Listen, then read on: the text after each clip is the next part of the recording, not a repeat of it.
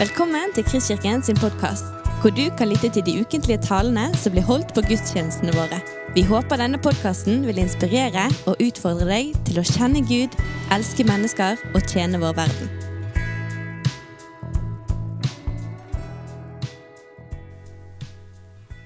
Kjære venner. Vi befinner oss i en situasjon ingen av oss har opplevd maken til. Vi er forhindret fra å kunne feire gudstjeneste sammen, og det kan fort komme til å bli slik noen uker fremover, vi vet ikke hvor lenge. Det skyldes ikke noen fremmed okkupasjonsmakt eller en tyrannisk regjering, men et virus. Nå trenger vi hverandres omtanke og forbønn, og vi trenger å ta vare på hverandre gjennom en uoversiktlig tid. I møte med livets sårbarhet og usikkerhet trenger vi også å venne oss til Gud. Når vi står overfor kriser og katastrofer, vil vi gjerne ha svar på hvorfor dette skjer. De svarene får vi ikke alltid.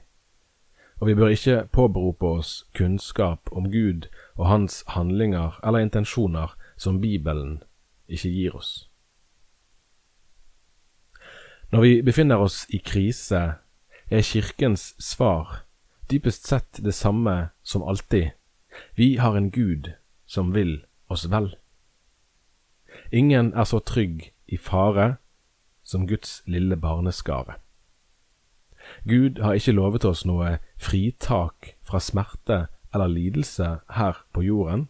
Vi må regne med at det vil være bekjennende kristne også blant dem som kommer til å dø av koronasmitte. Men Gud er Gud likevel. Derfor er det godt for oss å vende oss til ham i takk og bønn. Vi kan takke for Hans frelse som gjelder under alle forhold, og vi kan be om helse for oss alle og om kraft og visdom til dem som på ulike måter har ansvar for å håndtere den situasjonen vi befinner oss i.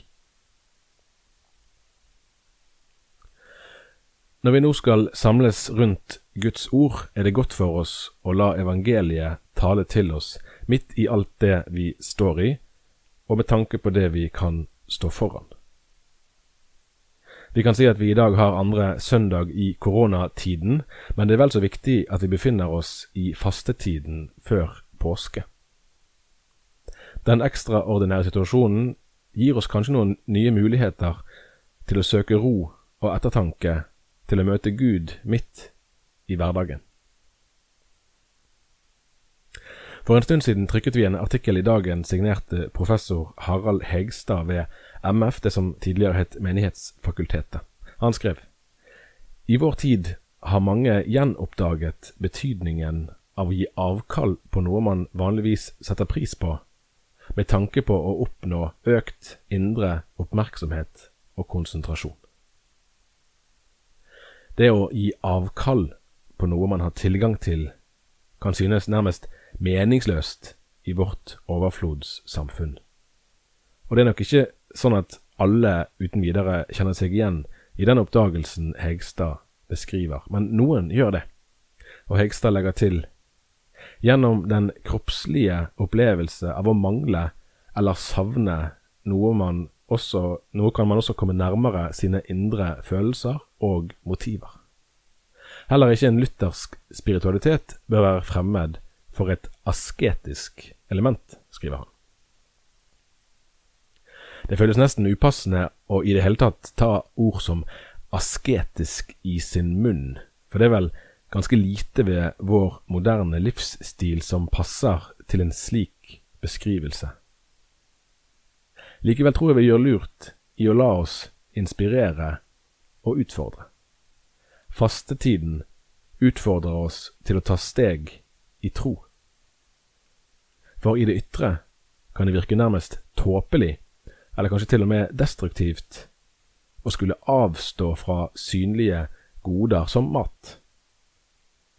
Men i Guds rike finnes det andre kriterier for å måle hva som er verdifullt, enn de som er observerbare for det menneskelige øyet. Det gjelder også i en usikker tid som vår. ikke minst da. Fastetiden minner oss om Jesu lidelse i vårt sted, og den minner oss om at livet er mer enn her og nå. Som apostelen Paulus skriver det i sitt brev til kolosserne i kapittel tre. Er dere da reist opp med Kristus, så søk det som er der oppe, hvor Kristus sitter ved Guds høyre hånd. La sinnet være vendt mot det som er der oppe, ikke mot det som er på jorden.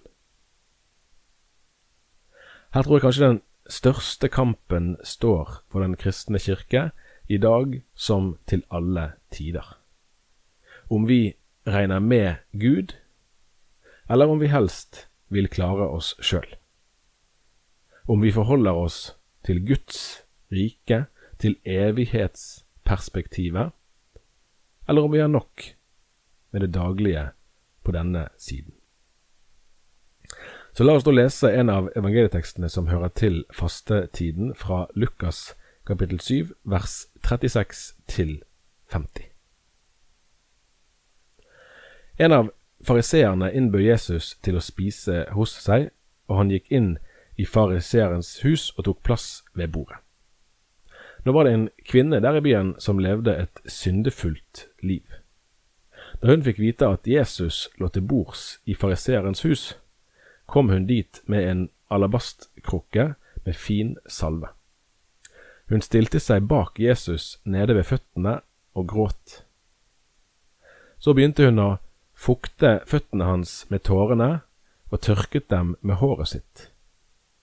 Hun kysset føttene hans og smurte dem med salven. Da fariseeren som hadde innbudt ham, så det, tenkte han med seg selv. Var denne mannen en profet, ville han vite hva slags kvinne det er som rører ved ham, at hun fører et syndefullt liv. Da tok Jesus til orde. Simon, sa han til fariseeren, jeg har noe å si deg. Si det, mester, svarte han. Jesus sa, To menn hadde gjeld hos en pengeutlåner. Den ene skyldte 500 denarer, den andre 50. Men da de ikke hadde noe å betale med, etterga han dem begge gjelden. Hvem av dem vil da holde mest av ham? Simon svarte, Den han etterga mest, tenker jeg. Du har rett, sa Jesus. Så vendte han seg mot kvinnen og sa til Simon, Ser du denne kvinnen? Jeg kom inn i ditt hus, du ga meg ikke vann til føttene mine, men hun fuktet dem med tårer og tørket dem med håret sitt. Du ga meg ikke noe velkomstkyss, men helt fra jeg kom, har hun ikke holdt opp med å kysse føttene mine. Du salvet ikke hodet mitt med olje, men hun smurte føttene mine med den fineste salve. Derfor sier jeg deg, hennes mange synder er tilgitt. Derfor har hun vist stor kjærlighet. Men den som får lite tilgitt, elsker lite. Så sa han til kvinnen, syndene dine er tilgitt. Der begynte de andre gjestene å spørre seg selv, hvem er han som til og med tilgir synder? Men Jesus sa til kvinnen, Din tro har frelst deg, gå i fred. Det er en forunderlig og fascinerende scene vi her får beskrevet. Tidligere biskop Olav Skjevesland oppsummerer den godt. At Jesus møter kvinnen med varme i stedet for kulde, må ha vært like frydefullt for henne som det var sjokkerende for Simon. Jesus var visst ikke så redd for å støte noen. Han var mer opptatt av å gjøre det som var rett, så fikk heller noen bli provosert. Vi vet ikke hvilke forventninger kvinnen hadde da hun gikk inn i rommet. Antagelig hadde hun hørt om Jesus og håpet at han ville møte henne med en annen holdning enn den forakten hun kjente så altfor godt fra sine omgivelser. Og Jesus møter situasjonen på en annen måte, som nok overrasket mange. Han sender også et budskap til oss om hva det vil si å ha profetisk klarsyn. Hvordan hadde vi reagert hvis vi var blant de andre gjestene? For fariseeren Simon var det tilsynelatende opplagt at en profet med kunnskap om den aktuelle kvinnens liv vil reagere med avvisning. Hun var langt under hans verdighet. For Jesus førte den profetiske innsikten til en annen tilnærming. I stedet for å angripe kvinnens livsstil, som han åpenbart kunne ha gjort, vender han utfordringen til Simon, eller til deg og meg. Så forteller Jesus en ransakende lignelse. Han viser seg igjen som en fremragende pedagog, og lignelsen treffer også oss i dag. Hvem identifiserer vi oss med her? Olav Skjevesland beskriver lignelsens poeng slik. Et menneskes Kjærlighet samsvarer med den godhet og tilgivelse som det selv er blitt møtt med. Her ligger det jo et virkelig sentralt poeng for kristen misjon. Hvordan møter vi hverandre, og hvordan møter vi dem som ennå ikke kjenner Jesus? Et sentralt og opplagt, men likevel kanskje underkommunisert anliggende er dette Gud vil oss vel. Gud møter oss med godhet, ufortjent godhet. Fariseeren Simon passer inn i mønsteret av et menneske som tror på sin egen evne til å oppnå rettferdighet, og som gjerne ser ned på andre på veien dit. Han holder seg til loven, mens kvinnen får et konkret møte med evangeliet. Dypest sett hjelper teksten oss til å spørre om også vi setter vår lit til vår egen fromhet, eller om vi lener oss til Jesus Kristus. Mennesker tenker av naturen fariseisk, fortsetter Olav Skjevesland. Vi er optimistiske med tanke på egne muligheter til fremgang, og regner med at Gud vil lønne den som gjør sitt beste ut fra egne forutsetninger. Tenkningen er nærmest klassisk. Igjen og igjen overser vi Bibelens mange fortellinger om hvor avhengige vi er av Guds inngripen. Igjen og igjen prøver vi å henvise Gud til sidelinjen og ta styringen sjøl. Så er det da så sterkt å lese evangeliefortellingen nettopp med henblikk på oss sjøl og vår egen situasjon. For som så mange mennesker før oss, vil vi gjerne tenke om oss sjøl at vi er åndelig modne og oppriktige, kloke og reflekterte. Men så møter vi oss sjøl i den ene døren etter den andre, og så blir vi igjen utfordret til å ta stilling til om vi vil være som Simon eller om vi vil være som kvinnen i teksten, og om vi vil lære av Simons eller Jesu eksempel i møte med andre mennesker.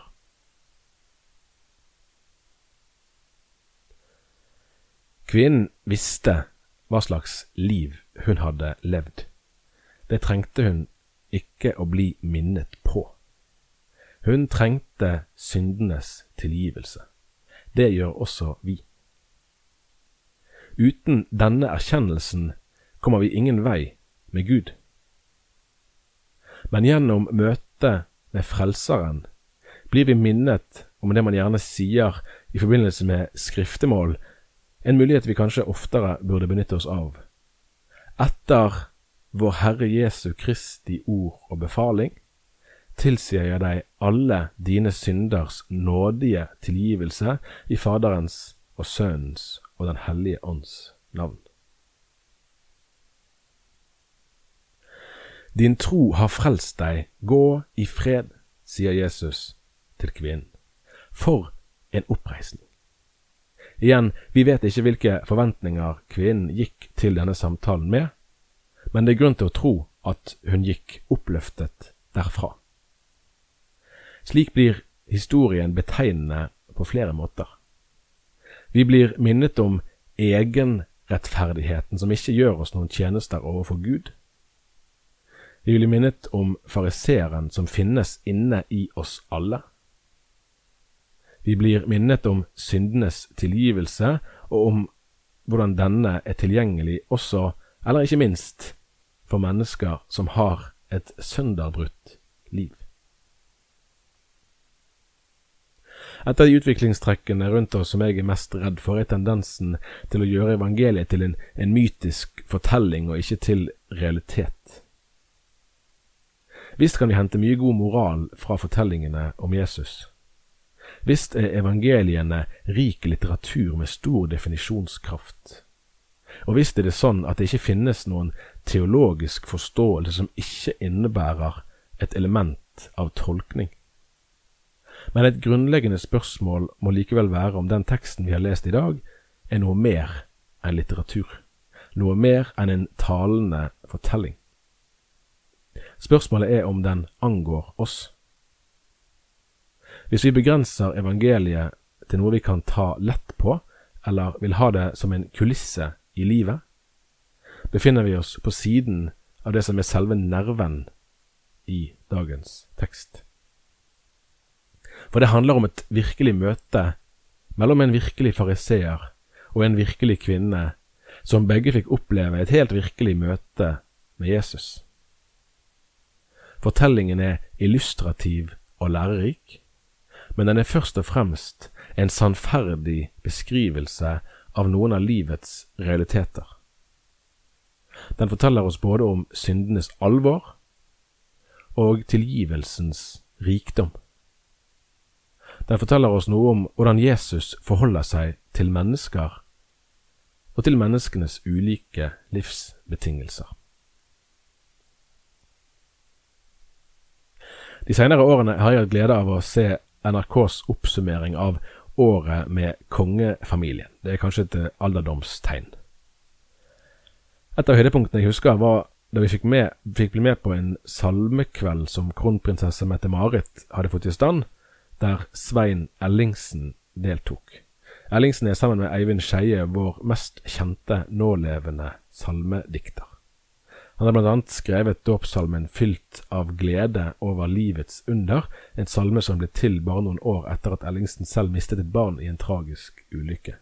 Det hviler et eksistensielt alvor og samtidig et dypt og sterkt håp over Ellingsen sine salmer.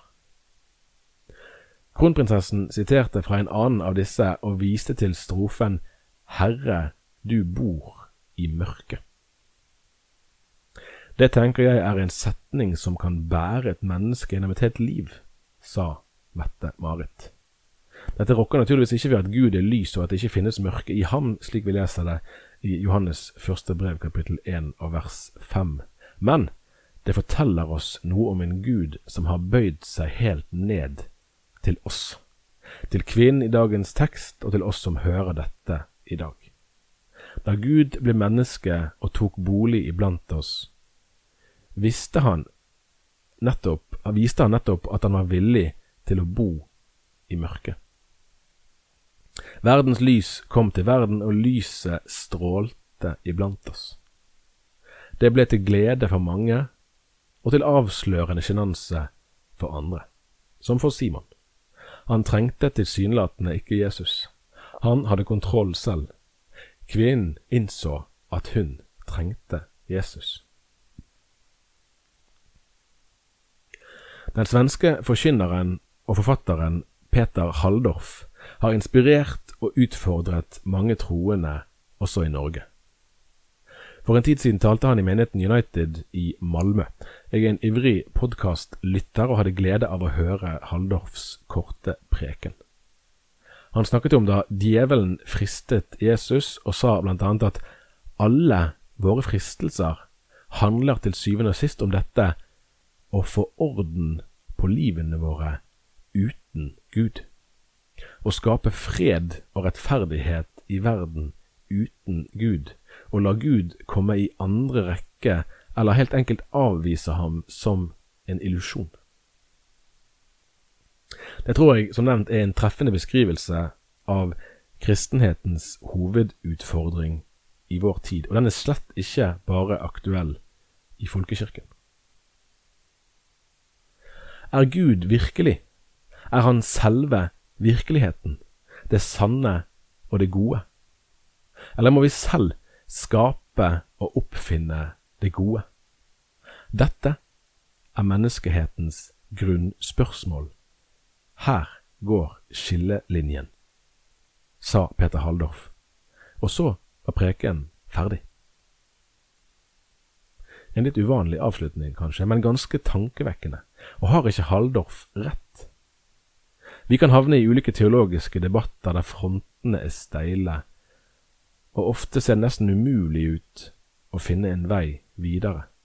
Men i flere av de viktige debattene kan vi ende opp med å diskutere symptomer, fremfor å stille oss det grunnleggende spørsmålet kan vi stole på Gud? Stoler vi på Gud? Hvis svaret på det er ja, vil svaret på en del andre spørsmål gi seg sjøl, i hvert fall med tiden. I en annen av Svein Ellingsen sine salmer har han en strofe som jeg først syntes hørtes nesten dyster ut, men mer og mer blir jeg grepet av alvoret og inderligheten den uttrykker. Gud, gi oss troen tilbake. Tro gjennom dypest mørke, liv gjennom natt og død. For er det ikke selve tilliten til Gud det står om, om vi kan stole på ham? Trangen til å være sin egen herre ser ut til å følge menneskene gjennom alle tider. Fariseeren er slett ikke alene. Trangen til å tilpasse gudsbildet vårt slik at det samsvarer med våre egne ønsker og forventninger, det er ingen ny oppfinnelse. Men Gud er ikke bundet av oss, han er ikke bundet av våre erfaringer og historie. Gud er Gud. Hvis vi vil diskutere teologi, er dette et naturlig startpunkt. Tror vi at Gud er Gud? Hvis det virkelige svaret på det er nei, vil det antagelig bli vanskelig å komme til enighet i mange underliggende spørsmål. Nå frem mot eh, påske leser jeg de daglige tekstene fra avdøde biskop Per Lønnings bok Vandring gjennom fasten. Den anbefaler jeg varmt. Lønning var jo en ualminnelig intelligent mann, og i tillegg er boken skrevet både med gudsfrykt og medmenneskelig varme. Det er et godt utgangspunkt. I en av tekstene skriver han om misforholdet mellom omgivelsenes forventninger, også i vår tid, og Jesu rolleforståelse. Både disiplene og vi vil gjerne ha synlige beviser, maktdemonstrasjoner. Og hos oss, vi vil gjerne verne om hegemoniet, kulturarven, tradisjonene, formålsparagrafene. Alt dette er godt og bra, men, skriver Lønning, et rike som er grunnlagt på makt, vil alltid være utsatt for å rokkes ved makt. Derfor kan Jesu Kristi kirke aldri grunnes på maktmidler, verken våpenmakt, flertallsmakt eller reklamemakt strekker til, skriver biskopen. Kanskje kan vi trekke en riktignok litt lang linje fra fariseeren også her. For hvis vi setter vår lit til det ordnede, det formelle, det korrekte, så risikerer vi å bli skuffet i møte med Guds rike. Gud er ordens Gud, det er ikke det, men Hans rike er ikke bygget på verken maktfordelingsprinsippet eller parlamentarismen eller Grunnloven. Lønning skriver videre Hans rike er et hjertenes rike, et rike der den frie og glade kjærligheten alene råder. Derfor består hans eneste makt i den tvang som kjærligheten utøver over hjertet som elsker. Derfor består også hans vei i denne verden i selvutslettelse inn til døden. Så midt i koronatiden og på vei inn i påsken kan vi derfor glede oss over Jesu selvoppofrende offergjerning. Helt på ekte. Hvis vi er villige til å erkjenne at jo da, vi er egentlig som kvinnen i fortellingen, så kan vi få høre de samme ordene fra Jesus Kristus. Din tro har frelst deg. Gå i fred. Ære være Faderen og Sønnen og Den hellige ånd, som var og er og være skal, en sann Gud, fra evighet til evighet. Amen. Vår Far i himmelen. La navnet ditt helliges. La riket ditt komme. La viljen din skje på jorden slik som i himmelen. Gi oss i dag vårt daglige brød, og tilgi oss vår skyld, slik også vi tilgir våre skyldnere. Og la oss ikke komme i fristelse, men frels oss fra det onde, for riket er ditt, og makten og æren i evighet. Amen.